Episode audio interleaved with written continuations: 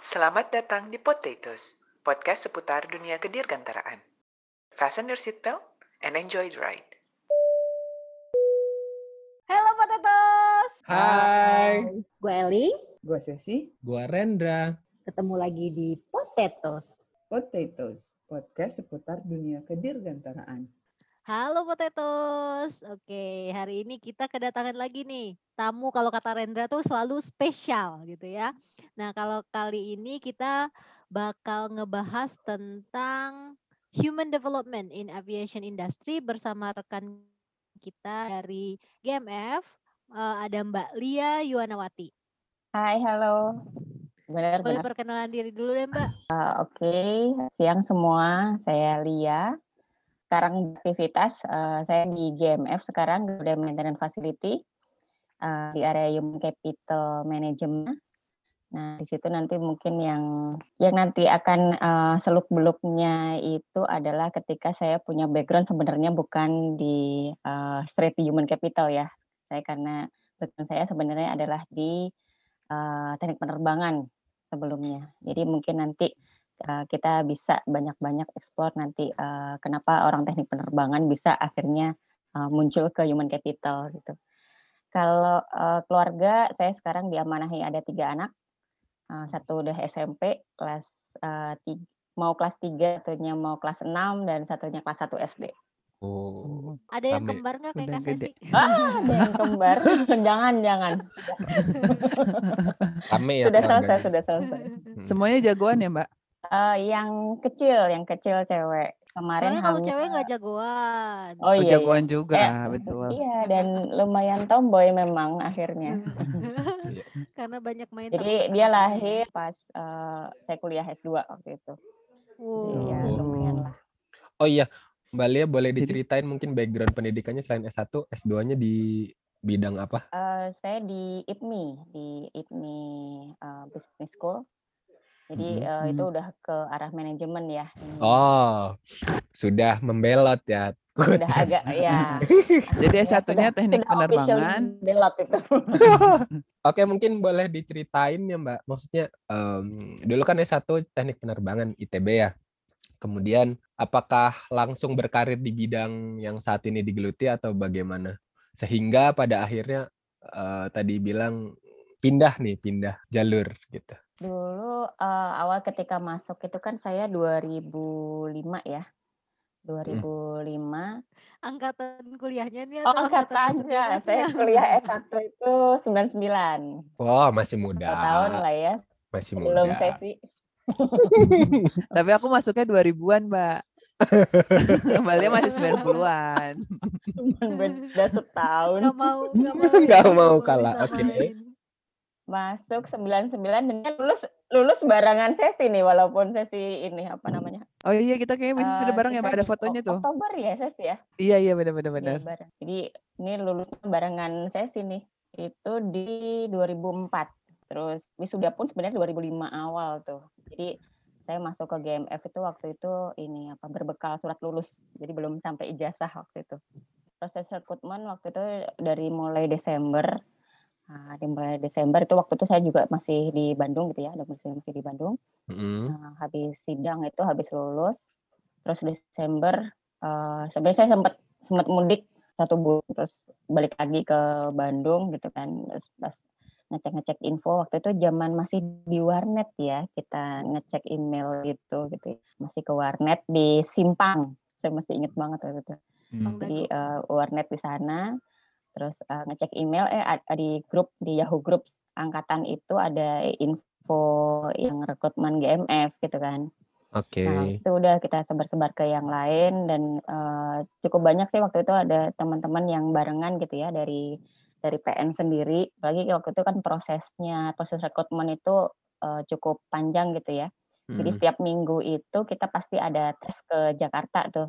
Dari mulai yang eh, interview user, terus nanti ada psikotes, terus tes bahasa Inggris. Itu tuh eh, jeda-jedanya tuh setiap minggu. Jadi kita pasti barengan naik kereta bareng tuh. Bandung Bandung Jakarta, Bandung Jakarta. Oh, Waktu itu tesnya juga nggak nggak semuanya barengan di GMF, bahkan ada yang kayak tes bahasa Inggris. Waktu itu kita ke Cikini tuh, ke ITC Cikini kalau nggak salah. ya. Hmm. Terus psikotesnya di Hang Hang Lekir, di sekitar Hang-Hang itulah Jakarta dan dengan kondisi yang buta Jakarta. Jadi untung banget waktu itu eh, teman-teman gitu ya. Terus eh, baru bareng-bareng pertama atau- kali juga ke GMF. Bahkan sampai eh, yang uniknya itu waktu itu kan karena kita statusnya masih anak kos ya. Masih Hmm. anak kos. Pas kita mau beli tiket kereta yang biasa parayangan ya. Yang biasa waktu itu habis. Padahal kita harus ngejar ke Jakarta untuk tes pagi itu adanya bisnis. Akhirnya ada satu teman yang sudah eh, kerja part time duluan, dia yang akhirnya mengongkosi kita untuk kita upgrade ke, ke kelas eksekutif itu gitu ya. itu luar biasa itu masih saya ingat banget lah. Dari 2005 tetap di GMF sampai sekarang ya Mbak ya? Iya betul. Oh, keren, keren. Dan Panjang ya panjang ya. panjang. Dan akhirnya kan berarti ceritanya keterima tuh. Keterimanya langsung di bagian yang memang diinginkan gitu atau di bagian apa tuh pada saat itu, Mbak? Ya waktu itu yang eh, open recruitment itu di area engineering. Jadi emang saya pertama itu di engineering. Kan engineering waktu itu ada dua ya, ada reliability engineering sama ada aircraft engineering. Nah reliability engineering itu tuh kita meng- eh, untuk maintenance ya. Jadi konteksnya kan maintenance tuh. Jadi eh, handle yang terkait dengan yang reliability itu ada reliability management, ada flight data service gitu ya, ada technical publication record yang seperti itu gitu ya. Terus ada juga kayak uh, CCM itu configuration and change management gitu. Nah, waktu itu uh, saya di area flight data service.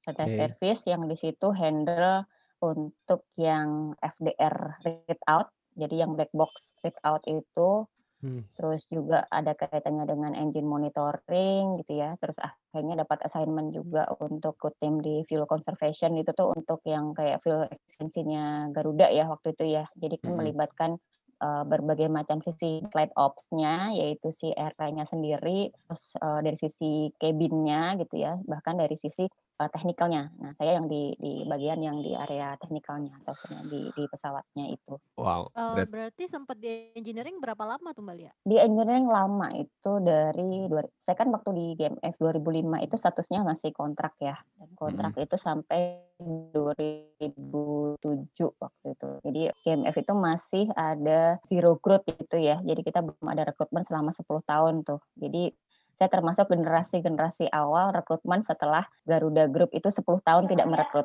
Oke. jadi makanya gapnya itu gapnya dengan yang pegawai atasnya saya itu tahun gitu ya. Jadi emang gapnya tinggi banget waktu itu. Kayak Kak Sesi gitu ya? Nah di situ, Kayaknya dunia Gitu ya? aviasi Ya, Indonesia berarti seperti itu deh Eh, tahun-tahun gitu. segitu. ya benar-benar generasi-generasi kita itu ya. Jadi eh, Iya. waktu itu juga pas masuk yang 99 ke penerbangan itu aja saya terus terang juga sempat agak ditentang orang tua itu karena kondisinya justru PTDI juga lagi turun padahal waktu itu kan aviasi itu orang PTDI gitu ya ketika Iya. kerja gitu kan kan Hmm. gitu kan waktu itu. Dan kalau nggak salah Nah, waktu zaman-zaman lulus lulus itu baru mulai ada penerimaan yang benar-benar penerbangan lagi. Sebelum-sebelumnya kan lulusannya Iya, kayaknya betul. ke mana gitu kan. Betul betul. Mau industri penerbangan mungkin lagi ini ya, lagi pada naik semua ya, eh, baik di area airlines gitu ya, terus yang MRO juga, terus mungkin banyak PTDI. Makanya kita, ya alhamdulillah kita lulus pada saat yang tepat ya, Ses. ya. Amin. Jadi nggak perlu lulus Makanya tepat walaupun waktu saya ya. mas- Yang penting lulus iya, pada waktu yang tepat. Oke. Ini Semuanya itu waktu yang tepat nih emang intinya, Ling. Pembenaran ini pembenaran. ini quotes-quotes Ya andalan gitu. senior begini memang. Kalau yang lulusnya telat itu biasanya gitu. Iya. Ya menariknya Gimana? tadi yang Kak Eling bilang, sebenarnya Mbak Lia tuh sebenarnya sempat di engineering sampai pada akhirnya kemudian ditugaskan lah ya, ditugaskan di bidang human development. Nah, apa sih yang membedakan bekerja pada saat menjadi aviation engineer dan menjadi human development yang mengurusi seorang aviation engineer gitu, Mbak? Tain nggak? Mungkin sebelumnya ini dulu kali ya. Apa namanya ceritain gimana sih kenapa tiba-tiba bisa pindah gitu dari Nah, engineering ke boleh deh. human development Nah, gitu. itu Nah, itu dulu. Iya, iya. Kenapa Nah, akhirnya itu- mau gitu? Barangkali kan biasanya anak PN tuh itu- suka pengennya Siapa idealis tahu idealis gitu kan. tercelup gitu. Iya. Iya betul. Itu sebenarnya eh, saya nggak pernah mimpi juga ya. Akhirnya itu ketika masuk GMF terus tiba-tiba saya beralih ke area yang jauh banget dari engineering gitu kan. Jadi itu eh, itu kan 2005 ya, 2005. Terus eh, apa namanya? Setelah itu saya ikut tim-tim segala macam gitu ya. Setelah setelah yang ikut tim Field Conservation itu, nah itu di sekitar 2010. 2010 itu di korporasi di GMF ngebentuk tim corporate culture. Jadi itu baru satu hal yang baru gitu ya. Di nah itu perwakilan dari masing-masing uh, dinas gitu kan, masing-masing departemen. Tuh dan itu tuh sebenarnya levelnya itu mostly sih baik kan sebenarnya sudah level yang uh, senior manager kayak gitu ya. Nah, akhirnya saya waktu itu saya diikutkan itu untuk menjadi PDCA fasilitator. Kalau kita punya istilah seperti itu ya, uh, sama nggak hmm. ya ininya tuh, yang plan do check action. Uh, jadi mungkin kayak semacam sekjen gitulah ya, sekjen hmm. suatu tim lah itu. Jadi uh, di situ peran PDCA itu sebenarnya uh, dia yang nanti akan ngeranding sebuah tim itu ya, dari mulai nanti untuk membantu si tim leader tadi itu ya itu nanti kita punya uh, programnya seperti apa, terus nanti kita punya time frame seperti apa, terus ya jadi yang monitor akan tim itu gitu kan. Walaupun nanti tim-tim kan uh, isinya itu para uh, itu senior level lah di area departemen-departemen. Nah, itu tuh mulai saya pertama agak punya penugasan yang uh, mulai ke arah yang non technical gitu kan. Hmm. Uh, tapi sebelumnya saya juga per, uh, jadi seorang uh, learning center unit yang di area engineering. Kalau itu tentang sebenarnya tentang developmentnya, tapi masih technical banget, masih masih ngurusin yang orang-orang developmentnya yang orang-orang engineering gitu kan. Nah, kalau memang yang sudah mulai ke arah yang manajerial non non teknikal tadi itu mulai itu, mulai menjadi seorang fasilitatornya corporate culture itu 2010. Nah, terus itu tim terus berjalan gitu ya sampai akhirnya 2012 itu uh, akhirnya ada organisasi baru yang dibentuk di situ yang tentang corporate culture dan sekaligus waktu itu juga pas barengan saya dapat beasiswa untuk yang uh, S2 tadi Hmm. Nah, ini tuh yang benar-benar uh, pertama kalinya saya akhirnya nyemplung ke area yang udah non technical. Nah, itu ke area yang corporate culture tadi. Oh. Tapi uh, awalnya ada bridging selama dua tahun tadi ya, ada penugasan tambahan tadi. Nah, itu itu awal mulai nyemplung lah di situ dan setelah dari corporate culture waktu itu uh, departemennya atau dinasnya itu beda dengan human capital. Saya tiga tahun ada di corporate culture.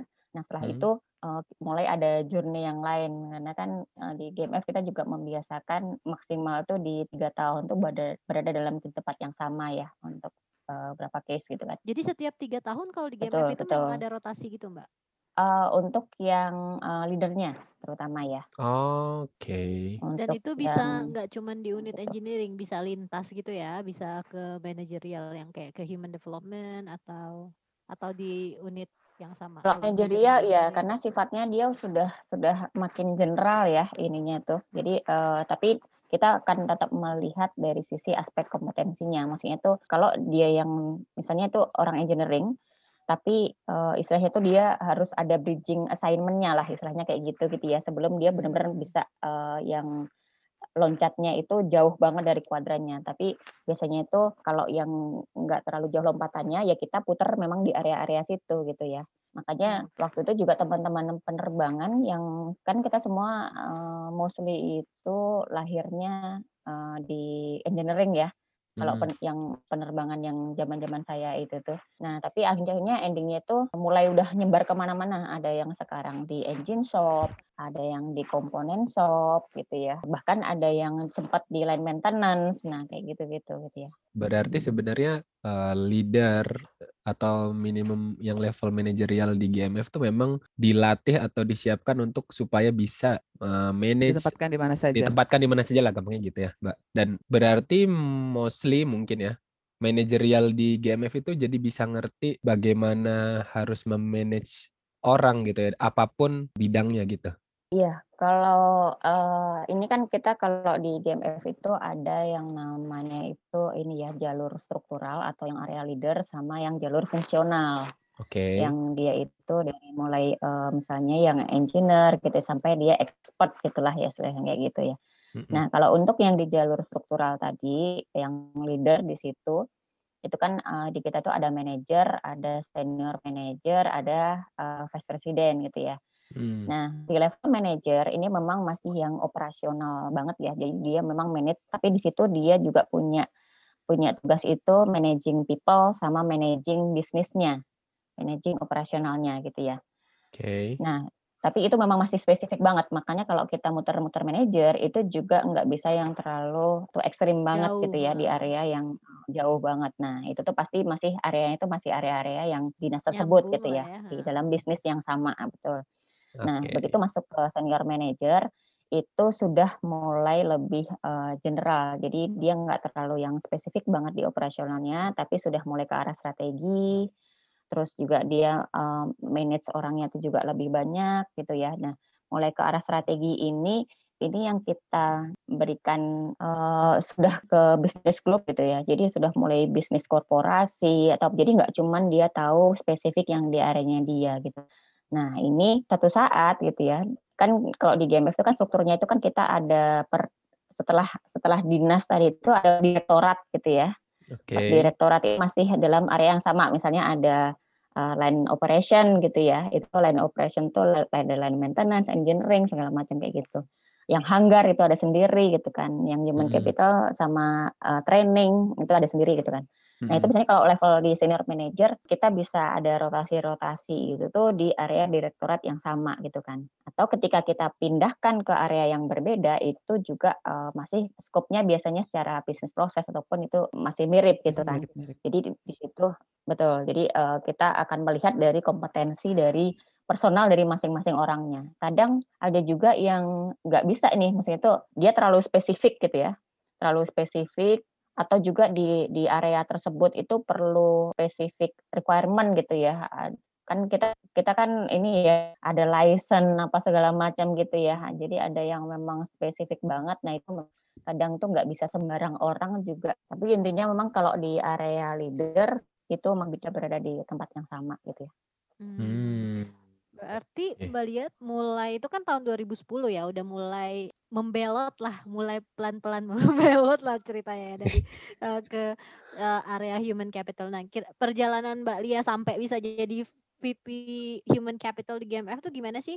Eh ya itu tadi setelah eh, di corporate culture kan tiga tahun ya. Jadi sebenarnya kalau eh, murni membelotnya itu tuh 2012. Dan kalau 2010 tadi masih penugasan-penugasan. Jadi saya masih engineer yang dikasih penugasan gitu ya. Nah akhirnya mulai resmi membelotnya itu kan 2012 gitu ya. 2012 terus eh, tiga tahun berarti 2015 nah saya baru masuk ke area human capital itu di area performance and reward terus setelah tiga tahun lagi 2018 saya ke area eh, leader and talent management Hmm. nah itu baru setelah itu tahun kemudian tahun kemarin saya baru ke VP human capital management jadi Oh. sebat tiga kali berada dalam bidang-bidang yang berbeda tuh Terus terus akhirnya memutuskan mau pindah nih. Berarti emang lebih asik atau ya udahlah ditugaskan gitu. Kenapa memutuskan untuk akhirnya jalur karirnya lebih ke human capital, eh, human capital and development? nggak tahu juga ya ini juga sebenarnya ketika di engineering pun saya juga punya passion itu untuk seperti halnya organisasi gitu ya kan dulu kan saya juga ketika kuliah itu kan eh, saya aktif juga di di himpunan gitu ya di KMPN gitu. Jadi ketika dari awal tuh kan saya memang ditugaskan itu murni technical yang engineer satu lagi itu biasanya saya diikutkan untuk eh, tim-tim seperti itu gitu ya. Ada Hmm. waktu itu ada yang tim fuel conservation lah yang pernah di LCU juga. Nah, nah itu tuh saya merasa bahwa ketika saya berada dalam yang kondisi tim tersebut itu tuh passion saya itu lebih ini lebih lebih muncul gitu kan jadi saya Hmm. bisa istilahnya itu berkreasi membuat program-program gitu ya. Terus eh, habis ini mau ngapain terus nanti ngerakin orang. Nah hal-hal seperti itu gitu kan.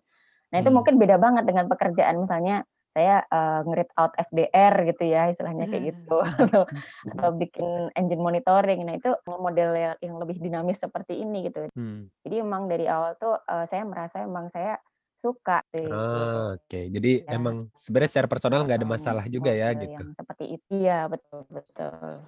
Udah cukup kejawab lah ya bedanya apa engineer sama HD. Kalau di engineer kan kayak kita merhatiin ini, tapi kalau di HD mungkin lebih lebih apa ya? Bisa bikin program, terus lebih dinamis ya kalau kata Mbak Lia tadi. Sebenarnya apa sih peran human development di aviation industry ini khususnya di maintenance ya kalau GMF gitu. Kalau di GMF itu istilahnya HCM Human Capital Management. Oke. Oke, HCM. HCM. Nah Aceh, jadi kalau di human Ayo mama. Garing, mama. parah-parah banget. Garing banget, sumpah. Ice breaking. Kayaknya bisa masuk stand up tuh.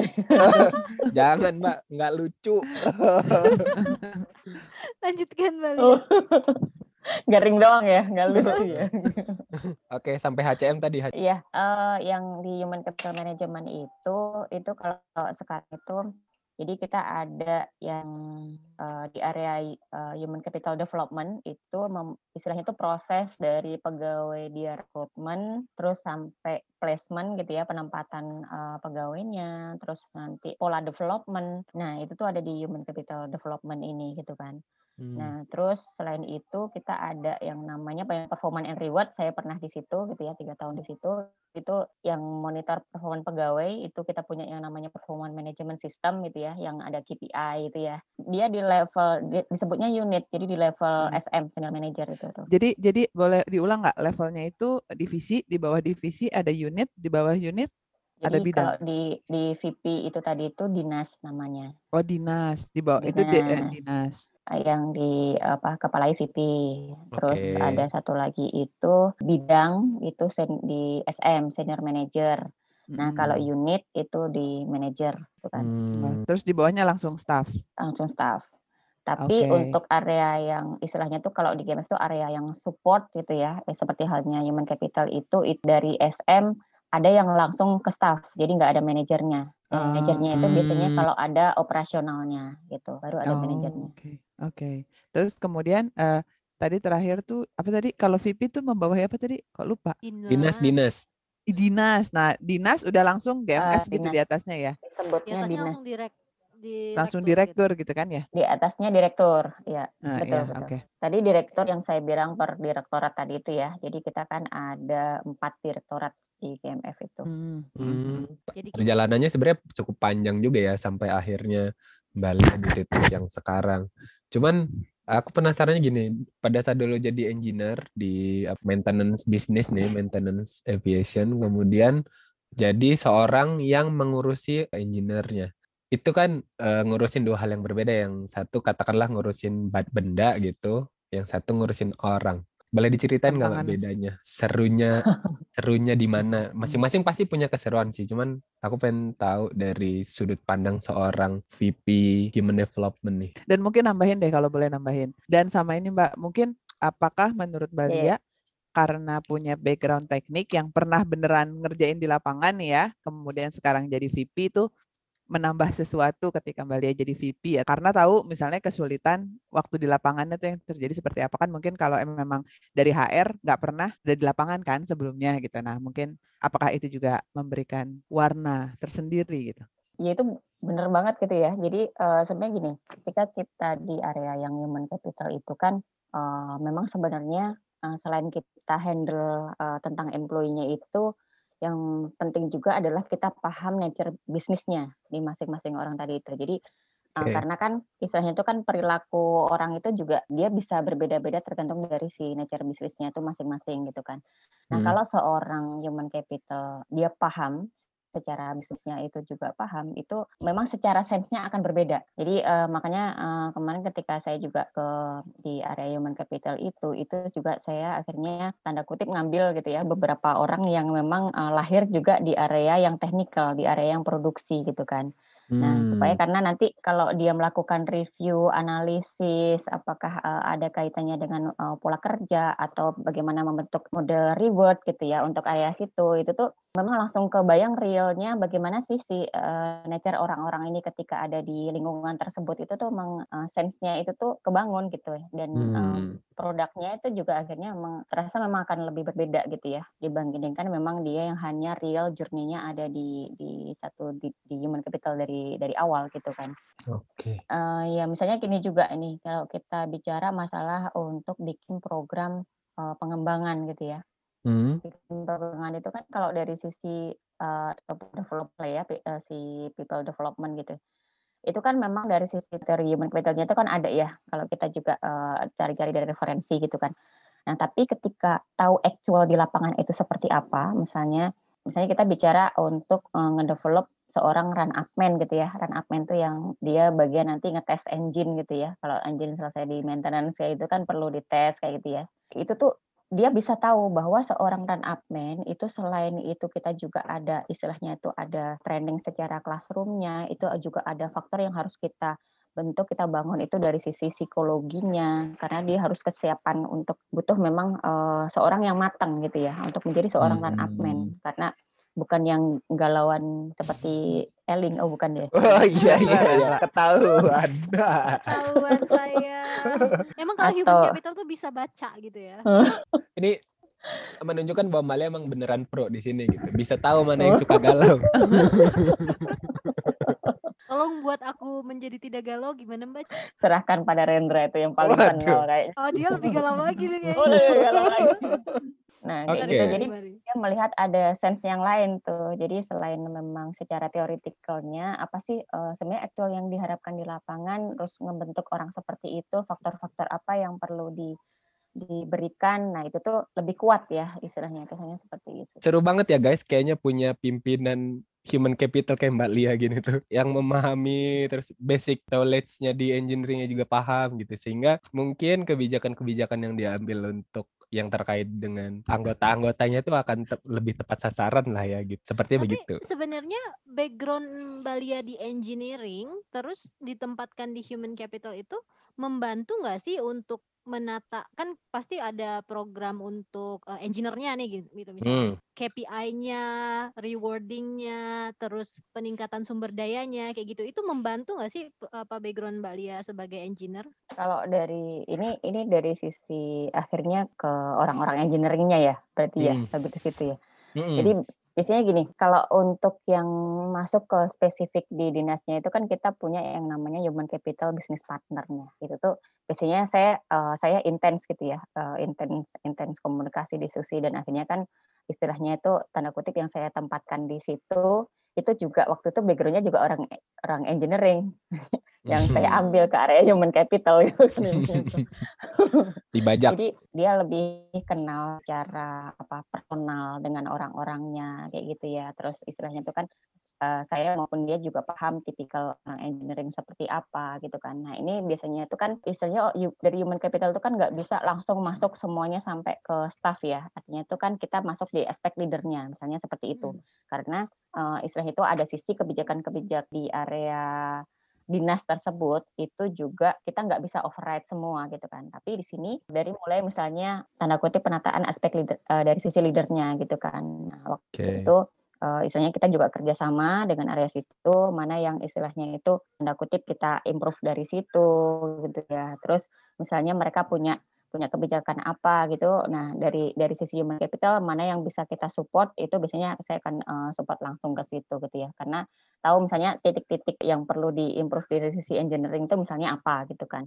Tapi memang hmm. kita di sini nggak bisa yang semua saya akhirnya harus uh, punya istilahnya itu punya kekuasaan untuk bikin kebijakan satu engineering itu nggak nggak juga gitu ya. Karena di sana kan juga ada ada leader-leadernya juga. Tapi biasanya saya lewat uh, human capital yang business partner sama ke area leader yang ada di engineering.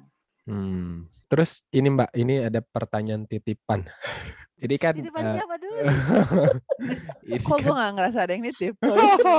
Mbak Lia tadi cerita banyak soal bagaimana sudut pandang seorang api human capital yang backgroundnya engineering. Berkaca dari Mbak Lia nih, backgroundnya S1 hmm. penerbangan, kemudian walaupun hmm. S2-nya bisnisnya sempat bekerja sebagai engineering di bidang apa di bisnis maintenance. Kemudian akhirnya bisa menjadi sosok AVI PHCM tadi kan berarti berarti ada proses nih. Cuman sebelum ke sana skill apa sih yang dibutuhkan seseorang supaya bisa terjun di di bisnis maintenance aircraft jadi kurang lebih mungkin uh, ilustrasinya banyak juga pendengar potatoes ini uh, masih anak kuliahan yang bingung nanti kerjanya mau gimana gitu ya mungkin. Yeah. Jadi uh, ketika sebagai HCM kan salah satunya itu juga oh, yang nyortir CV-CV yang masuk nih Balia. Oh, nah iya, sebenarnya iya, apa iya. sih yang dilihat? Kenapa sih milih orang ini dan nggak milih orang ini misalnya gitu? Kurang lebih seperti itulah.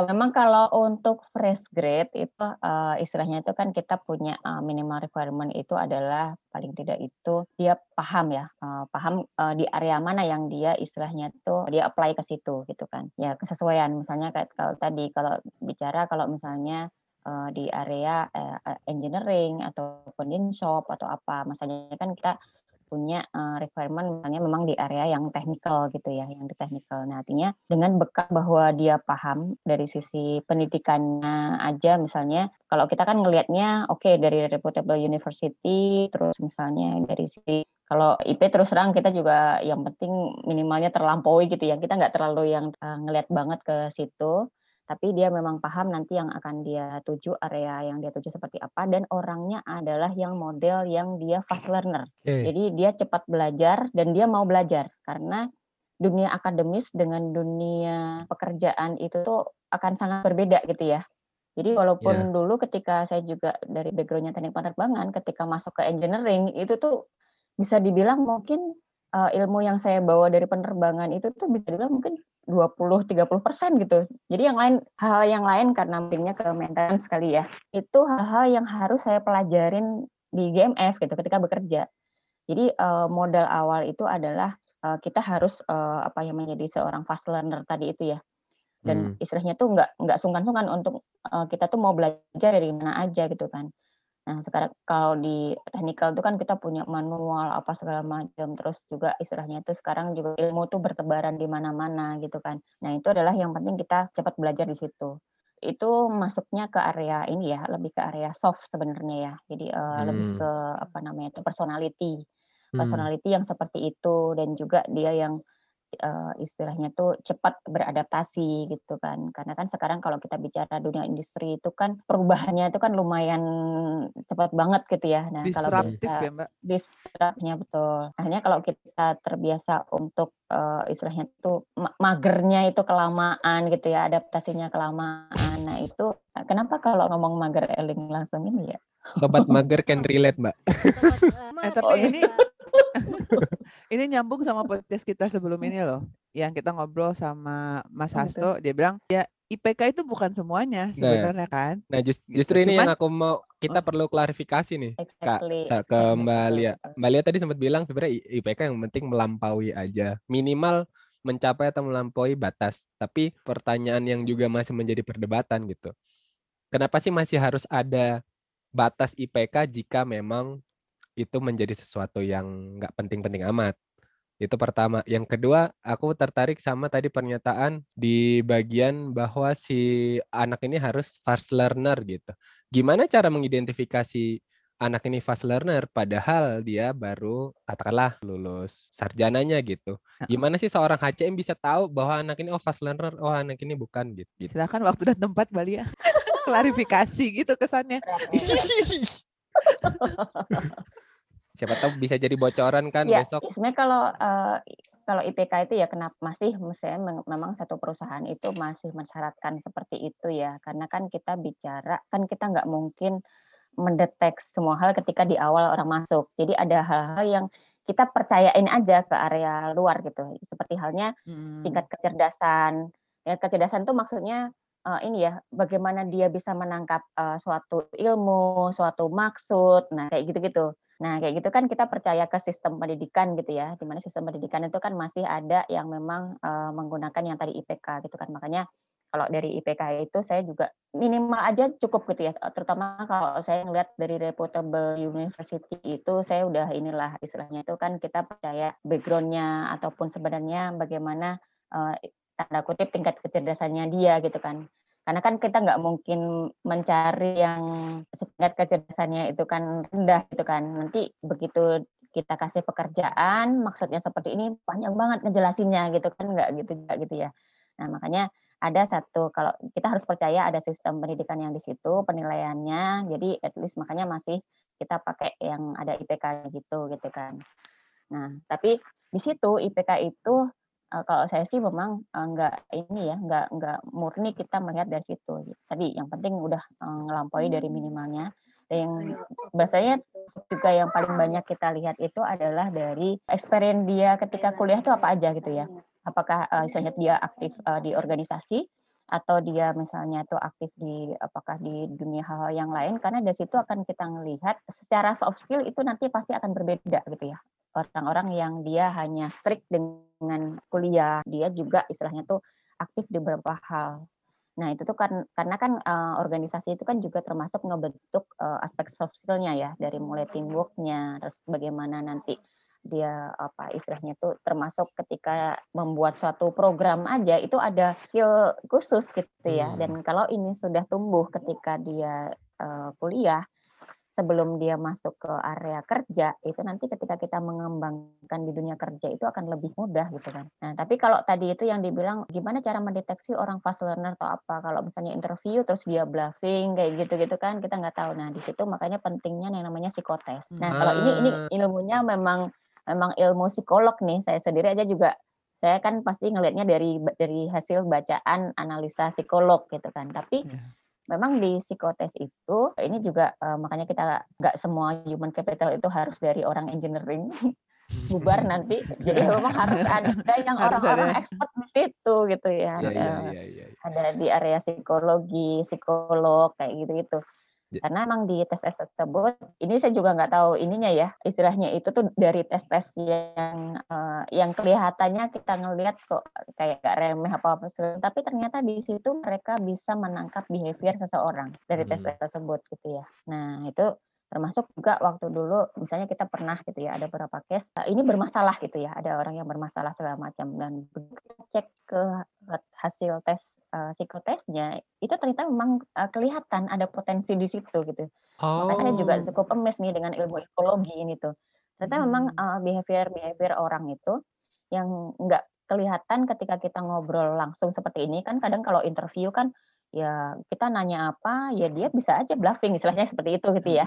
Persis. Uh, Mm. tapi ya itu tadi terdeteksi itu adalah di psikotes tadi itu Ah, Mm. Tuh ya, peringatan bagi Anda-Anda yang suka bluffing pada saat interview, tolong jangan dicoba-coba.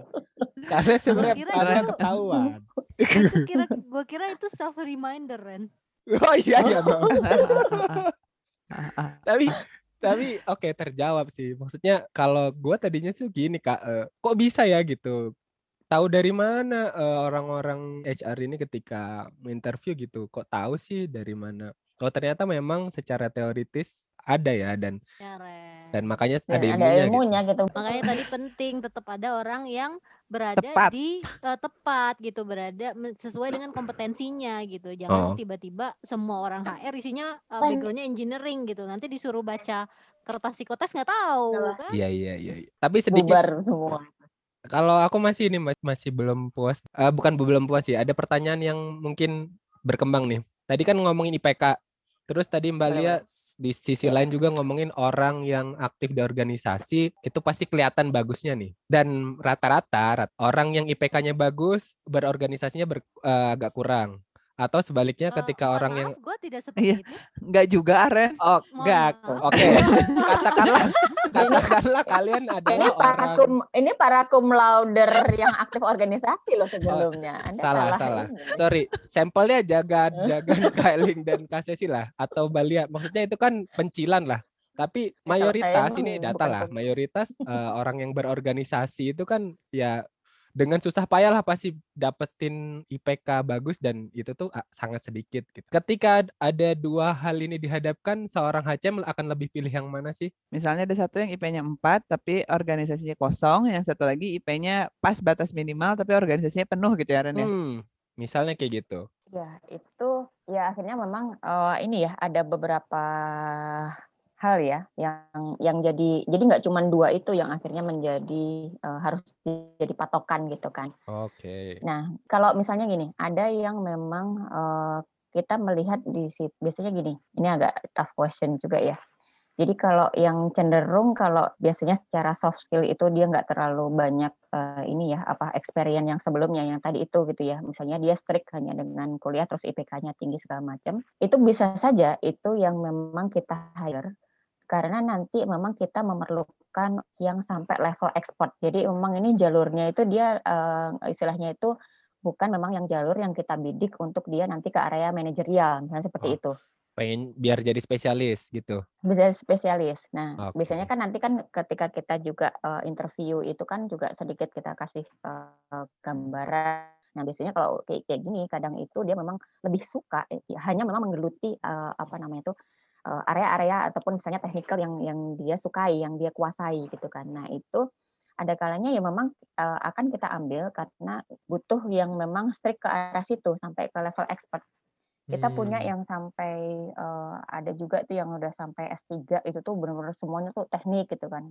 Kalau hmm. saya kan hmm. kadang S2-nya ke manajemen ke apa. Nah, itu tuh ada yang memang strict ke situ, dan itu tuh nanti yang akan kita didik memang sampai level expert yang di area teknikal gitu.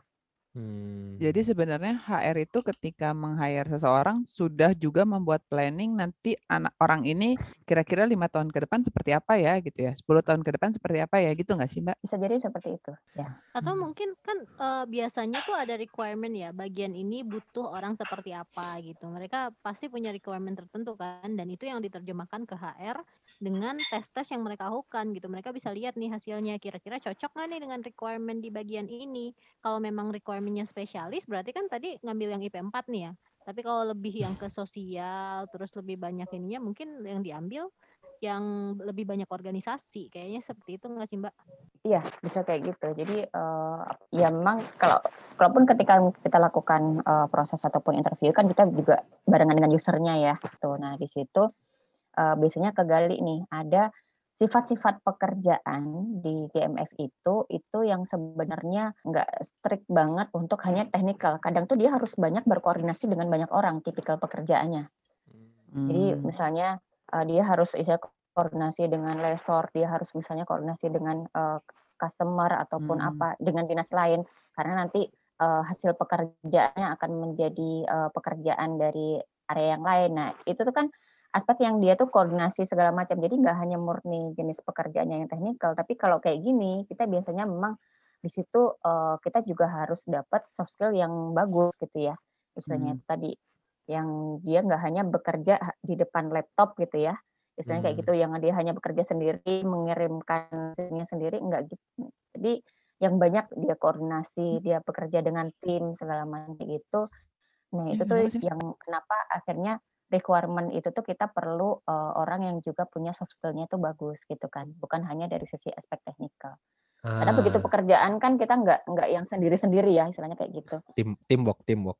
Nah, Oke, okay. berarti sebenarnya sebenarnya terjawab karena banyak juga curhatan-curhatan atau apa cerita-cerita temen kok ada ya yang IPK-nya bagus selama kuliah kok susah dapat pekerjaan atau yang katanya berorganisasi aktif tapi ternyata juga susah dapat pekerjaan. Jadi ternyata bisa jadi bukan karena dia nggak mampu, tapi ya memang lowongannya atau pekerjaannya belum butuh orang yang seperti mereka, katakanlah begitu ya. Jadi hmm. sesuai kebutuhan aja sih sebenarnya ya rekrutmennya. Bahwa kalau misalnya lagi butuh orang yang cocok di spesialis, tadi Mbak Lia bilang ya butuh yang PK-nya bagus gitu, karena terbukti rajin apa dalam belajarnya gitu. Atau butuh orang yang bisa manajerial ya otomatis lebih cocok orang yang lebih sering berorganisasi gitu ya Mbak ya. Mungkin ini Mbak kan tadi juga Mbak Ria cerita waktu Mbak Ria masuk tuh lagi zero growth kan katanya. Nah sekarang ini dengan adanya COVID ini apakah mempengaruhi ke growth atau penerimaan uh, karyawan di GMF nggak sih gitu? Uh, iya banget. Gimana nih efeknya nih?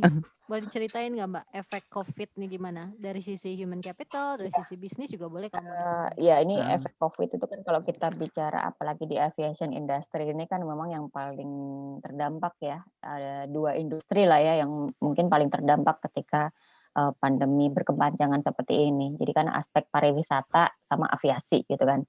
Sebentar Mbak, nah. disclaimer. Nah, aspek-aspek yang lose apa potensial loser dan potensial winner ini sudah pernah dibahas di Potato di, bersama Renat di episode sebelumnya. Oke, okay. lanjut Malia, maaf mengganggu.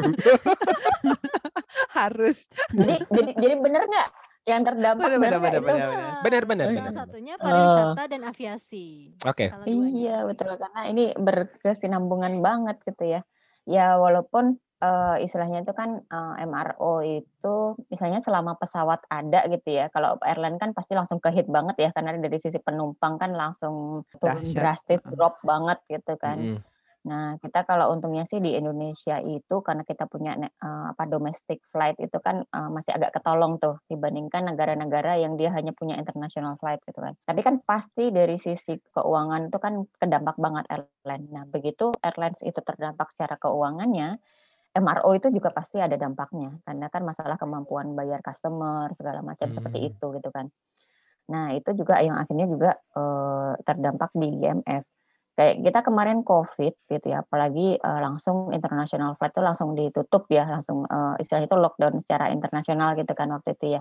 Hmm. Nah itu kan padahal kita punya customer-customer itu kan yang dari India, yang waktu itu juga ada KLM, terus ada uh, Air Atlanta misalnya kayak gitu-gitu ya itu kan langsung secara yang internasional apa namanya customer kita itu juga uh, susah untuk masuk ke, ke kita bahkan nggak bisa gitu kan nah itu tuh yang kita juga itu itu udah udah udah kedampak gitu kan nah kalau yang domestik tadi kaitannya juga itu istilahnya itu kan karena dia juga secara finansial bermasalah walaupun kadang pesawatnya juga ada di kita tapi kemampuan bayarnya itu yang, hmm. yang bermasalah gitu yeah, kan yeah. nah akhirnya ya masalah juga di MRO gitu kan hmm. nah itu yang akhirnya uh, di dalam periode kita setahun uh, terakhir ini itu banyak memang kebijakan-kebijakan itu yang kita uh, apa ya bisa membuat orang tidak nyaman. Kan ada ada yang dikurangin ada hmm. yang di freeze istilahnya ada yang di hold misalnya kayak gitu-gitu ya. Jadi ada hal kayak gitu gitu kan.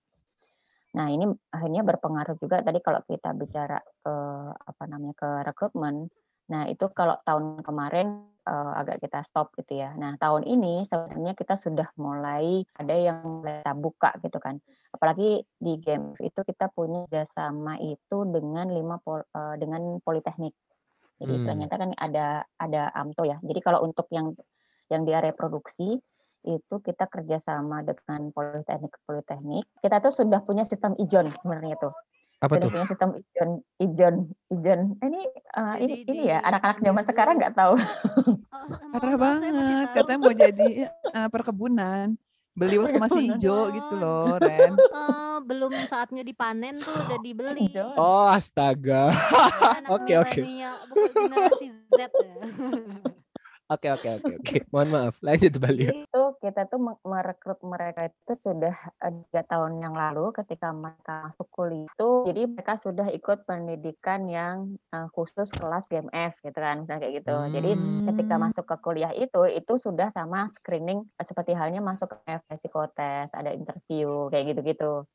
Kalau yang kayak gitu itu akhirnya, udah kerja sama kayak beasiswa gitu juga dari kuliah apa enggak? Uh, enggak, kalau di hmm. game kita nggak nggak beasiswa, jadi mereka nah. memang uh, biaya sendiri. Nah, tapi ada juga yang uh, dikasih beasiswa pembiayaan, misalnya kayak di Polsri, Politeknik uh, Sriwijaya itu oleh pemerintahnya. Jadi mereka punya program gitu ya, misalnya kayak gitu. Ada program dari pemerintahnya untuk beasiswa. Nah, kayak kalau kayak gitu itu itu bisa gitu ya. Tapi kalau di dari GMF-nya itu enggak. Nah, itu kan yang ada, udah ada beberapa generasi ya jadi kita masih punya sekitar tiga generasi yang kita join di, sana tadi hmm. itu. Nah itu kan setiap tahun kan lulus ya setiap tahun lulus atau kayak gitu. Jadi uh, memang akhirnya itu menjadi hal yang wajib yang harus kita rekrut gitu kan kondisi ini. Terus sebenarnya juga tahun ini sebenarnya kita sudah mulai agak masukkan ini apa program rekrutmen. Karena memang kita juga sudah mulai dari sisi pensiun yang pensiun normal aja kan banyak gitu ya dalam setiap tahun itu banyak banyak pensiun dan sementara kita termasuk industri yang kita butuh development orang untuk penggantinya itu nggak sebentar gitu. Hmm. Bahkan untuk yang kayak misalnya di posisi teknisi gitu ya, engineer yang terutama yang di lapangan kita butuh waktu sekitar lima tahun tuh sampai dia punya license segala macam kayak gitu. Jadi memang bukan yang bisa kita dadakan-dadakan makanya uh, ada yang memang harus kita persiapkan kayak, kayak tadi. Makanya begitu kondisi krisis misalnya seperti itu ya jadinya agak sedikit kita limitasi gitu kan. Itu sih pengaturan pengaturannya nah ini mungkin terakhir sebelum closing kali ya. Mbak uh, aku pengen tahu tips ini lebih ke personal kali ya. Jadi gini kita tahu ini adalah krisis gitu. Dan saya yakin sih semua karyawan juga memahami bahwa memang bisnisnya lagi nggak bagus sehingga keuangan perusahaan terdampak sehingga kemudian perusahaan harus melakukan hal-hal yang tadi Mbak Lia bilang mungkin nggak akan bikin semua orang nyaman gitu. Tapi sebagai seorang HCM nih, ada nggak tips atau trik khusus supaya Mbak Lia tuh uh, yang Mbak Lia lakukan bersama tim supaya orang-orang tuh tetap merasa nyaman atau minimal minimal merasa apa ya Menerima. menerima terus akhirnya memaklumi sehingga yang muncul tuh positive vibes gitu. Karena kan apa ya ketidaknyamanan di dalam bisnis MRO atau aviasi ini kan bisa leads to safety sebenarnya lama-lamanya ya. Di, bisa di ujung misalnya orang demotivasi sehingga pekerjaan akhirnya jadi asal-asalan katakanlah. Ada nggak uh, tips atau trik khusus yang Balia dan tim lakukan untuk supaya itu nggak terjadi sehingga munculnya positive vibes tadi Wah, itu itu juga tough question banget itu.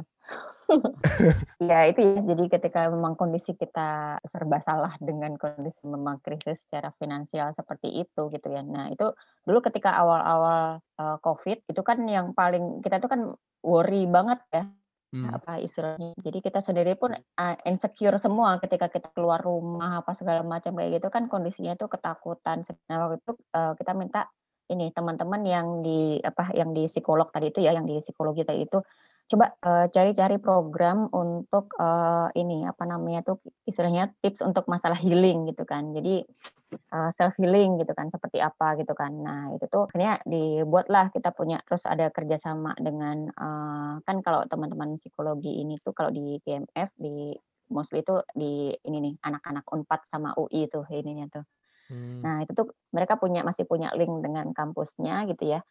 Terus uh, kita kerjasama dengan psikolog-psikolog uh, yang di area situ. Jadi sampai bisa ada konsultasi gratis gitu ya. Jadi kan hmm. kita kan waktu itu kondisinya ketika awal-awal dulu ya, itu kan itu tadi ya insecure-nya kan parah ya.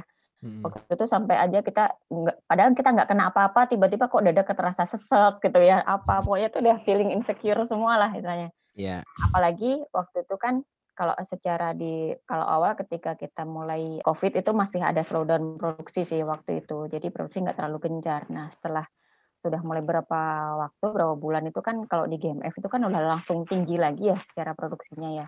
Akhirnya hmm. kan uh, ya istilahnya orang-orang memang banyak uh, harus masuk. Nah itu tuh uh, istilahnya tuh kita bikin ada semacam konseling uh, gitu kayak.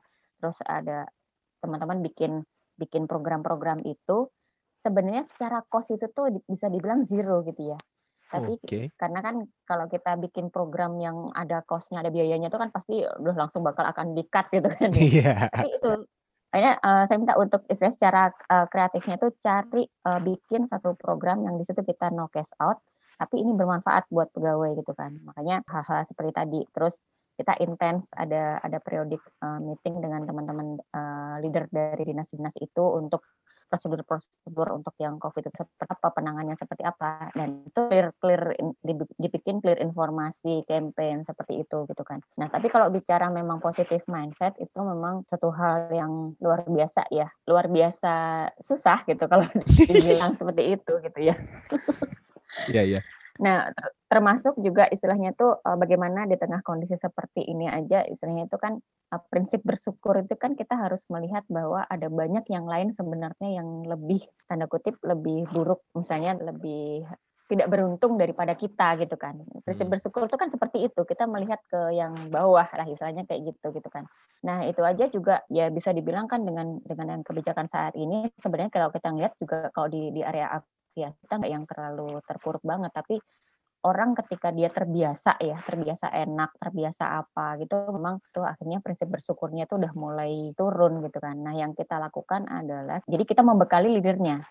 Karena yang nanti akan intens berkomunikasi itu adalah leader di area tersebut misalnya di manajernya yang langsung dengan staff gitu ya. Jadi kita yang kita lakukan adalah penguatan dari sisi penguatan leadernya tadi itu Nah, ini dibantu juga oleh teman-teman di area corporate komunikasi gitu ya. Jadi bagaimana kita juga juga mengkampanye uh, apa positif mindset seperti itu gitu kan. Nah, itu, itu sih yang istilahnya itu yang hal-hal yang coba kita lakuin gitu kan. Keren. Walaupun berat lah. Iya. Seperti ini. Dan ini tantangan baru ya, belum pernah ada gitu sebelumnya. Nah itu mau ilmu secara manajemen apa pun itu tuh nggak ada nih lagi. Bener nih kita, kita dalam fase sejarah nih sebenarnya gitu ya. Iya. Dan ya oke. Okay. Seru seru seru. adem gitu ya. Iya adem. Makanya tadi gua awal bilang kalau kita kalau siapa pun yang punya pimpinan uh, eh, HR yang begini mah tenang aja udah gitu. Pasti. Oh. PD pasti berlalu. Eh, mungkin terakhir kali ya, terakhir banget nih nih. Berjanji terakhir. Mbak Lia mungkin kasih tips kepada listeners potatoes. Barangkali ada yang apa namanya, boleh apa, tentang apa pun sih atau boleh promosi juga barangkali ada yang perlu dipromosikan. Silahkan Mbak Lia. Oke, apa ya? Eh, yang pertama mungkin untuk teman-teman yang masih kuliah kali ya, yang masih kuliah ataupun baru lulus gitu ya. Tadi kita kita bicara IP, kita bicara apa? Itu yang IP besar jangan berkecil hati juga gitu ya, seolah-olah kayak kita eh, nggak usah IP gede deh gitu ya. Tapi yang penting adalah dari semua tadi itu mau kita IP berapapun gitu ya. Eh, hal yang terkait dengan yang soft kompetensi, personality itu juga yang harus kita bangun gitu ya. Bagaimana kita itu kan ketika nanti kita memutuskan selesai kuliah itu kita kerja misalnya pasti kan kita bekerja dengan orang lain. Nah bagaimana nanti kita bekerja dengan orang lain itu kita butuh tadi itu termasuk orang tipikal orang yang bisa bekerja sama dengan orang lain teamwork kita bagus terus tadi juga komunikasi kita bagus, terus kita termasuk juga orang yang suka dengan make it happen, bukan hanya sekedar kita punya program ataupun jargon, tapi bagaimana menumbuhkan di diri kita itu uh, jiwa untuk ya, apa pun yang kita planningkan itu adalah make it happen gitu. Nah itu nanti ketika kita berada di dunia kerja uh, itu yang pasti paling cari ke yang lain karena orang yang bisa merealisasikan apa yang dia dia pikirkan, dia sampaikan itu tuh yang uh, guna gitu. Jadi untuk teman-teman yang uh, sekarang sih uh, atau apa, jangan galau IPK IP berapapun gitu ya. Tapi juga at least harus cukup uh, cukup tinggi untuk masuk minimal requirement. Tapi tadi itu jangan kesampingkan bagaimana kita menumbuhkan soft kompetensi kita. Nah, tadi detailnya seperti apa coba uh, googling aja gitu ya gimana menumbuhkan soft kompetensi itu gitu kan. Nah, salah satunya adalah memang organisasi gitu kan. Nah, yang kedua ya sama-sama kita berdoa semoga uh, pandemi, uh, situasi krisis ini tuh segera berlalu gitu ya, supaya nanti kita di dunia kerja kita istilahnya tuh menjadi bergairah kembali gitu kan. Nah, itu nanti uh, welcome banget untuk teman-teman yang nanti akan join di GMF gitu ya. Itu ataupun nanti teman-teman yang intensif juga monggo. Sorry Mbak, intensifnya dari bulan apa sampai bulan apa? Uh, ini bulan Juli ini sudah kita buka pendaftaran. Jadi kalau durasinya nanti bisa uh, istilahnya tuh kapan aja, tapi cara pendaftarannya itu mulai kita buka di bulan Juli. Oke. Okay. Ini juga okay. uh, saya lagi kalau layarnya sudah ada nanti kita bisa share. Tuh teman-teman bisa diambil kesempatan emasnya. Oke, Mbak Lia, seru banget uh, ngobrol-ngobrolnya. Kita jadi tahu bahwa ternyata yang tadinya punya background teknik penerbangan itu nggak melulu harus berakhir sebagai satu spesialis di sisi yang teknis ya, tapi juga bisa jadi vice president di human capital. Dan ternyata bahkan uh, karena ada ilmu teknisnya itu sebenarnya juga membantu bagaimana uh, perencanaan pengembangan uh, manusianya gitu ya. Terus uh, mungkin tadi yang menurut saya menarik lagi itu tadi bahwa IPK itu nggak semuanya gitu ya, tapi ya syarat minimal ya tetap harus dilewati lah ya gitu. Dan apa dan soft skill itu juga penting karena um, dari soft skill itu uh, ya kita bisa belajar uh, banyak. Salah satunya adalah dengan cara berorganisasi gitu kali ya mungkin ya. Uh, makasih banyak Mbak Lia atas waktunya di sela-sela kesibukannya. Seru banget ngobrol-ngobrol kita kali ini ya. Banyak teman-teman. Iya. Terima kasih semuanya. Gua Eling. Gua Sesi. Gua Rendra dan teman ngobrol kita hari ini Lia. Sampai ketemu di potato selanjutnya. Dadah. Dadah. Dadah. Terima kasih semua.